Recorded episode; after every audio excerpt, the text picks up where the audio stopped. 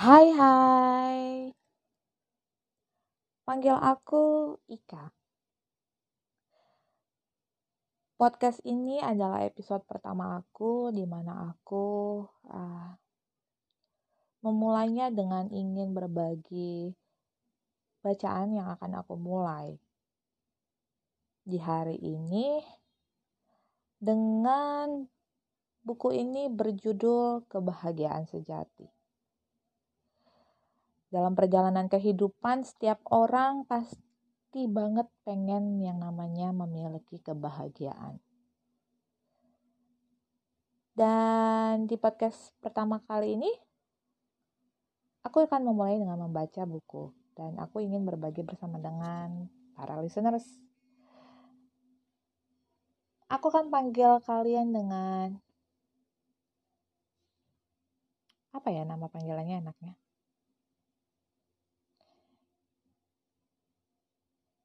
Ika. Ikaners? Apa nih? Uh, Ika Joy. Whatever lah ya.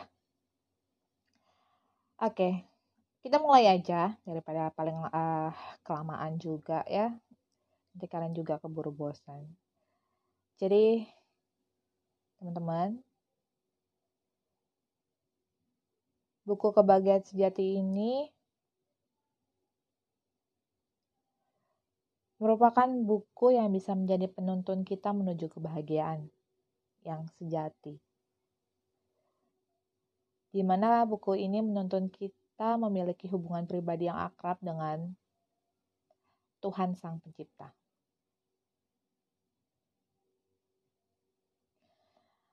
Penulisnya seorang wanita yang bernama dengan uh, yang bernama Ellen G. White.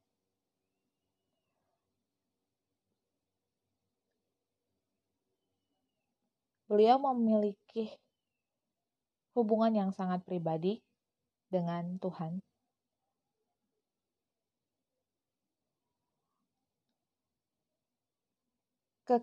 ketika dia berumur 17 17 tahun ia menyerahkan seluruh hidupnya kepada Tuhan. Dan di dalam buku ini dia akan menceritakan perjalanan tersebut dan aku juga ingin uh, kita bisa sama-sama merasakannya.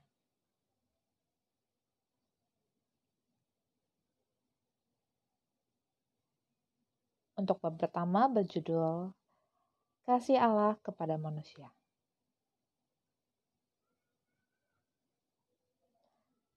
Alam dan wahyu menyaksikan kasih Allah. Allah Bapa kita yang di surgalah sumber kehidupan, kebijaksanaan, dan kegembiraan. Pandanglah benda-benda alam yang indah dan menakjubkan. Kemudian, renungkanlah penyesuaiannya yang mencengangkan terhadap keperluan-keperluan dan kebahagiaan. Bukan saja hanya kepada manusia, tetapi juga untuk semua makhluk ciptaan lainnya. Sinar matahari dan air hujan menerangi dan menyegarkan bumi. Bukit-bukit dan lautan serta lembah-lembah semuanya berbicara kepada kita tentang kasih Allah kepada makhluk ciptaannya.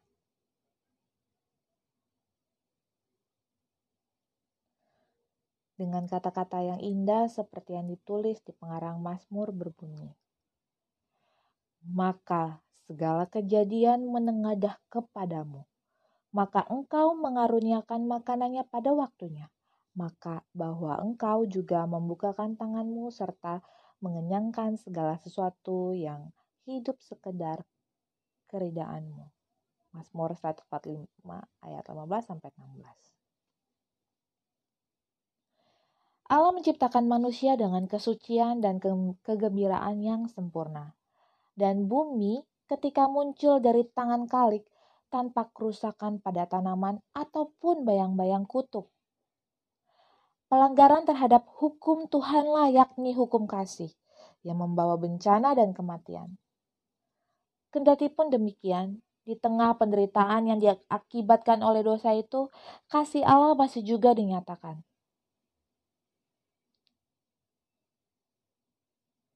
Terdapat di kejadian 3 ayat 17,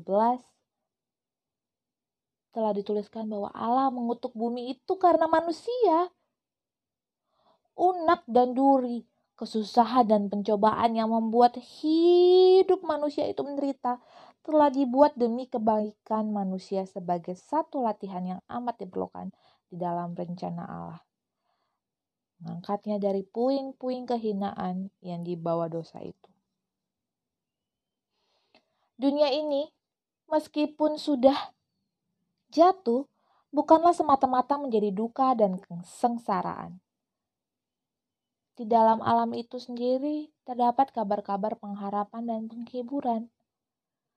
Di dalam alam ini terdapat bunga-bunga dari pohon yang berduri dan duri-duri yang ditutupi oleh bunga-bunga mawar. Allah kasih adanya. Demikianlah yang tertulis di dalam tiap kuntum yang mekar, pada setiap pucuk rerumputan yang bertumbuh. Burung-burung yang bagus memenuhi udara dengan kicauannya yang penuh bahagia. Serta kembang yang memantulkan bau-bau harum semerbak di udara. Pohon-pohon yang menjulang tinggi di hutan dengan daun-daun yang rimbun menghinjau. Semuanya menyaksikan terhadap kelemah lembutan. Pemeliharaan Allah Bapa kita serta kerinduannya membuat anak-anaknya supaya bahagia. sabda Tuhan menunjukkan tabiatnya. Dia sendiri telah menyatakan kasihnya yang tidak batasnya dan penuh belas kasihan. Ketika Musa berdoa, Tunjukkanlah, apalah sekarang kemuliaanmu kepadaku, Tuhan menyaut. Bahwa aku akan menjalankan segala kebajikanku, lalu daripada matamu, aku akan menyebutkan nama Tuhan di hadapan mukamu. Keluaran 33 ayat 18. Inilah kemuliaannya.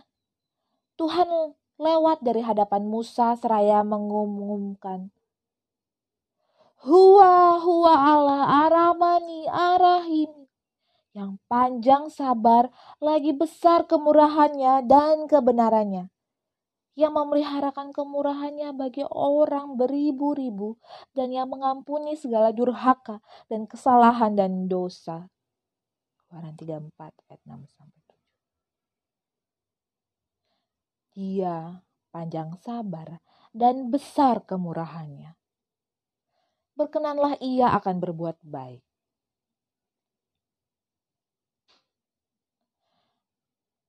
Allah telah mengikat hati kita padanya dengan tanda-tanda yang tak terhitung jumlahnya di langit maupun di atas bumi dengan benda-benda alam serta ikatan-ikatan yang terdalam dan terlembut yang ada di dunia ini, supaya hati manusia itu mengenalnya. Dia telah berusaha menunjukkan dirinya sendiri kepada kita. Namun semuanya itu belumlah mampu menunjukkan kasihnya. Kendati pun semua bukti-bukti ini telah diberikan, setan itu masih saja membutakan pikiran-pikiran manusia supaya dengan demikian mereka memandang pada Allah dengan rasa takut. Mereka menganggapnya kejam tanpa belas kasihan. Setan menuntun manusia supaya menganggap Allah sebagai satu oknum yang sifatnya ialah keadilan yang lalim. Sebagai seorang hakim yang kejam, kasar, sebagai orang yang berpiutang yang suka memaksa digambarkannya kali itu sebagai satu oknum yang mengawasi dengan pandang penuh kecemburuan, mengamati kekeliruan dan kesalahan-kesalahan manusia, supaya didapat menghakimkan mereka. Anak manusia turun dari surga untuk menyatakan Bapa itu. Maka Allah belum pernah dilihat oleh seorang jua pun tapi anak yang tunggal yang di atas pangku Bapa, ialah yang sudah menyatakan dia. Yesaya 1 ayat 8. Seorang pun tiada mengenal Bapa itu, hanyalah anak saja yang dan lagi orang yang hendak dinyatakan kepadanya oleh anak itu. Matius 11 ayat 27, ketika salah seorang daripada murid-murid itu memohon, tunjukkanlah Bapa itu kepada kami. Yesus menjawab, sekian lamanya aku bersama-sama dengan kamu dan tiadakah engkau kenal aku? Siapa yang sudah nampak aku, ia sudah nampak Bapa. Bagaimanakah katamu? Tunjukkanlah Bapa itu kepada kami.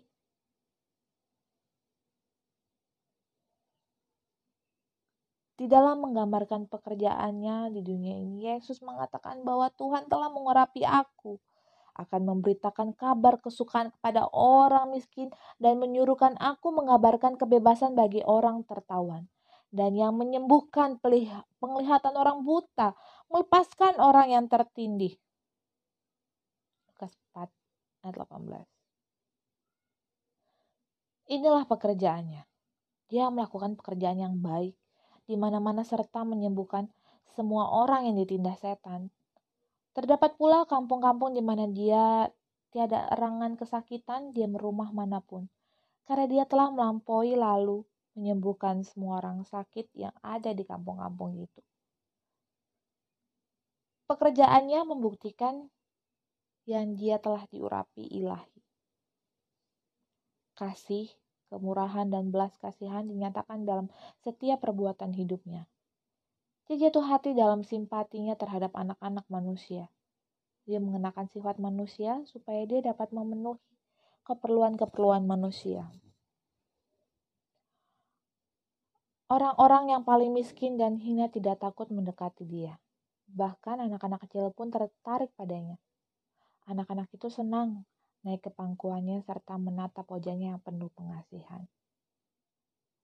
Yesus tidak menyembunyikan sepatah pun daripada kebenaran itu, tetapi mengucapkannya senantiasa penuh dalam kasih. Dia mempraktekkan akal budi yang terbesar dan penuh kebijaksanaan, dengan perhatian yang lemah lembut dalam hubungannya dengan orang banyak. Tidak pernah menyakiti jiwa orang yang peka dengan kesusahan yang sia-sia. Dia tidak menghinakan kelemahan manusia, diucapkannya kebenaran, namun senantiasa dalam suasana kasih. Dia mencela perbuatan jahat, tetapi suaranya mengandung butir-butir air mata ketika dia mengucapkan celaannya yang tajam. Ia menangisi Yerusalem, kota yang disayanginya, dan yang telah menolaknya jalan kebenaran dan hidup. Mereka menolak juru selamat, namun dia memandangnya dengan duka penuh kelembutan. Hidupnya adalah kehidupan yang penuh penyangkalan diri sendiri dan selalu memikirkan orang-orang lain.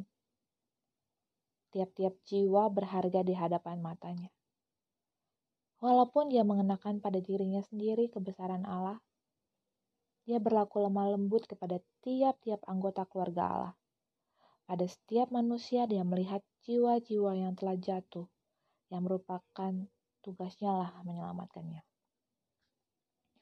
Demikianlah sifat Kristus sebagaimana yang dinyatakan di dalam hidupnya.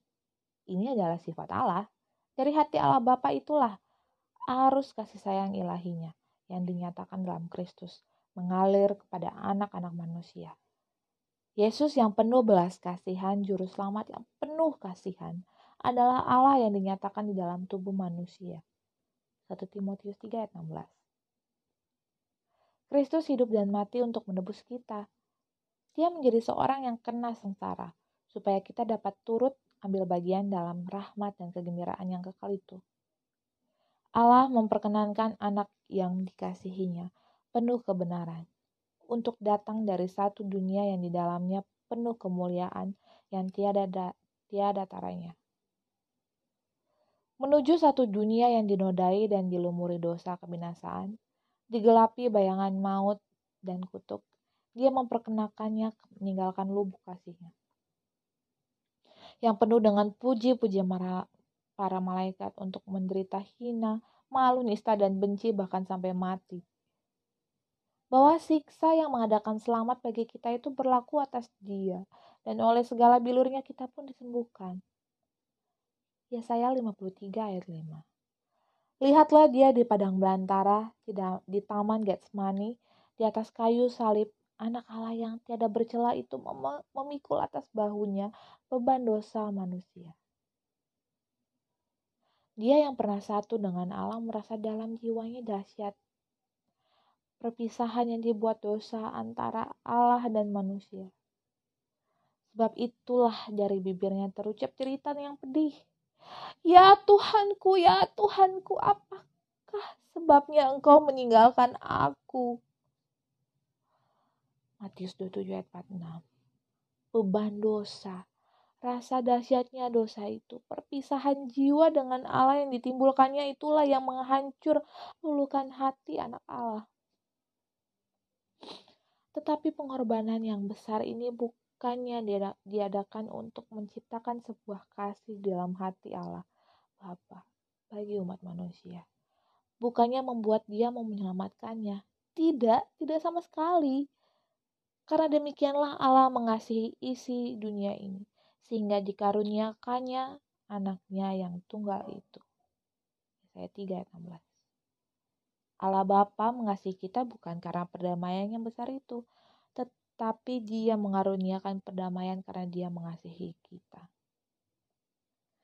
Kristus adalah pengantara melalui mana yang dapat dicurahkan kasihnya yang tiada batasnya itu kepada dunia, ya, dunia yang telah jatuh ke dalam dosa. Karena Allah di dalam Kristus itu adalah memperdamaikan isi dunia ini dengan dirinya sendiri. Allah menderita bersama anaknya di dalam menderita Kristus di Taman Getsemani, kematian di Bukit Golgota. Hati kasih yang tidak terduga dalamnya telah membayar dengan tunai harga penebusan kita, kata Yesus. Oleh sebab itu, Bapa mengasihi aku karena aku ini menyerahkan nyawaku supaya boleh aku terima kembali. Yesaya 10:17 yang berarti Bapakku mengasihi engkau tetapi dia amat mengasihi aku karena aku telah menyerahkan nyawaku untuk menebus engkau. Dalam hal menjadi pengganti dan jaminanmu dengan menyerahkan nyawa, dengan memikul segala kesalahanmu, pelanggaran-pelanggaranmu, Allah dapatlah adil. Juga pembenar orang yang percaya di dalam Yesus Tiada lain kecuali anak Allah dapat menyempurnakan penebusan kita sebab hanya dialah yang dahulu di dalam riban Allah Bapa yang dapat menyatakannya. Hanya dia yang mengetahui tinggi dan dalamnya kasih Allah mampu menyatakannya. Tiada yang kurang daripada pengorbanan yang tiada batasnya. Yang dibuat Kristus untuk manusia yang telah jatuh ke dalam dosa, dapat menyatakan kasih Allah Bapa kepada manusia yang sudah hilang. Karena demikianlah Allah mengasihi isi dunia ini, sehingga dikaruniakannya anaknya yang tunggal itu. Dia mengaruniakannya bukan saja supaya hidup di antara manusia, untuk menanggung segala dosa-dosa mereka dan mati sebagai korban mereka. Dia mengaruniakannya kepada bangsa yang sudah berdosa, Kristus harus menyamakan dirinya sendiri dengan kepentingan-kepentingan serta keperluan-keperluan umat manusia. Dia yang pernah satu dengan Allah telah menghubungkan dirinya sendiri dengan anak-anak manusia dengan ikatan yang tidak akan pernah diputuskan. Yesus tidak malu mengaku mereka itu saudara.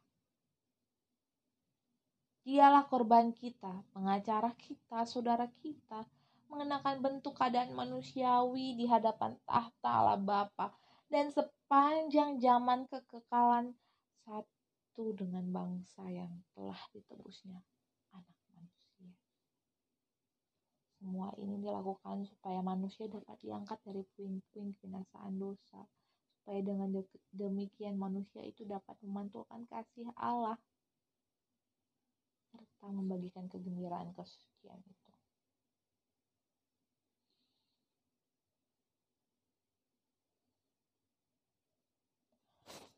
Harga yang telah dibayar untuk menebus kita.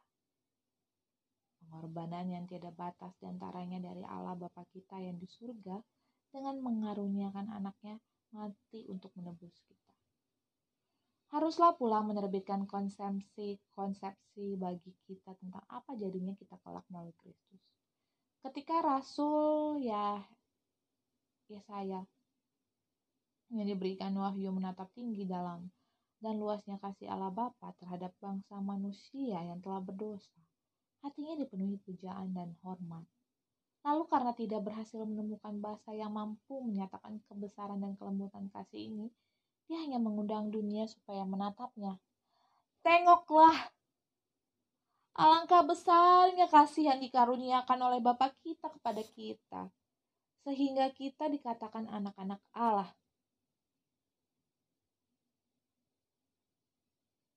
Betapa ayat ini memberikan nilai kepada manusia dengan pelanggaran anak-anak manusia menjadi milik setan. Dengan iman di dalam korban grafirat Kristus, anak-anak Adam dapat menjadi anak-anak Allah. Dengan mengenakan keadaan manusia, Kristus meninggikan manusia. Manusia yang sudah jatuh itu ditempatkan di mana melalui hubungan dengan Kristus, mereka sesungguhnya dapat layak disebut anak-anak Allah. Kasih yang demikian tidak bandingannya menjadi anak-anak Raja Surga.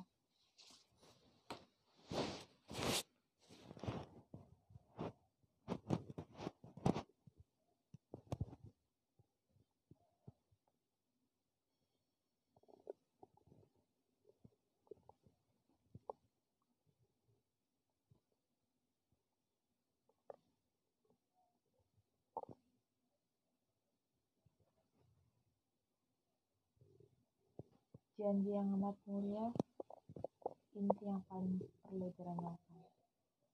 Kasih Allah yang tiada taranya bagi satu dunia yang tidak mengasihinya. Pikiran ini mempunyai satu kuasa yang menaklukkan jiwa dan membawa pikiran takluk kepada kehendak Allah. Sebab kita pelajari sifat Allah di dalam terang salib itu, semakin kita lihat kemurahan, kelembutan, dan keampunan yang dipadu dengan keadilan. Dan Semakin jelas pula kita perhatikan bukti-bukti satu kasih yang tak terbatas dan tiada taranya, serta belas kasihan yang melebihi kasih seorang ibu pada anak.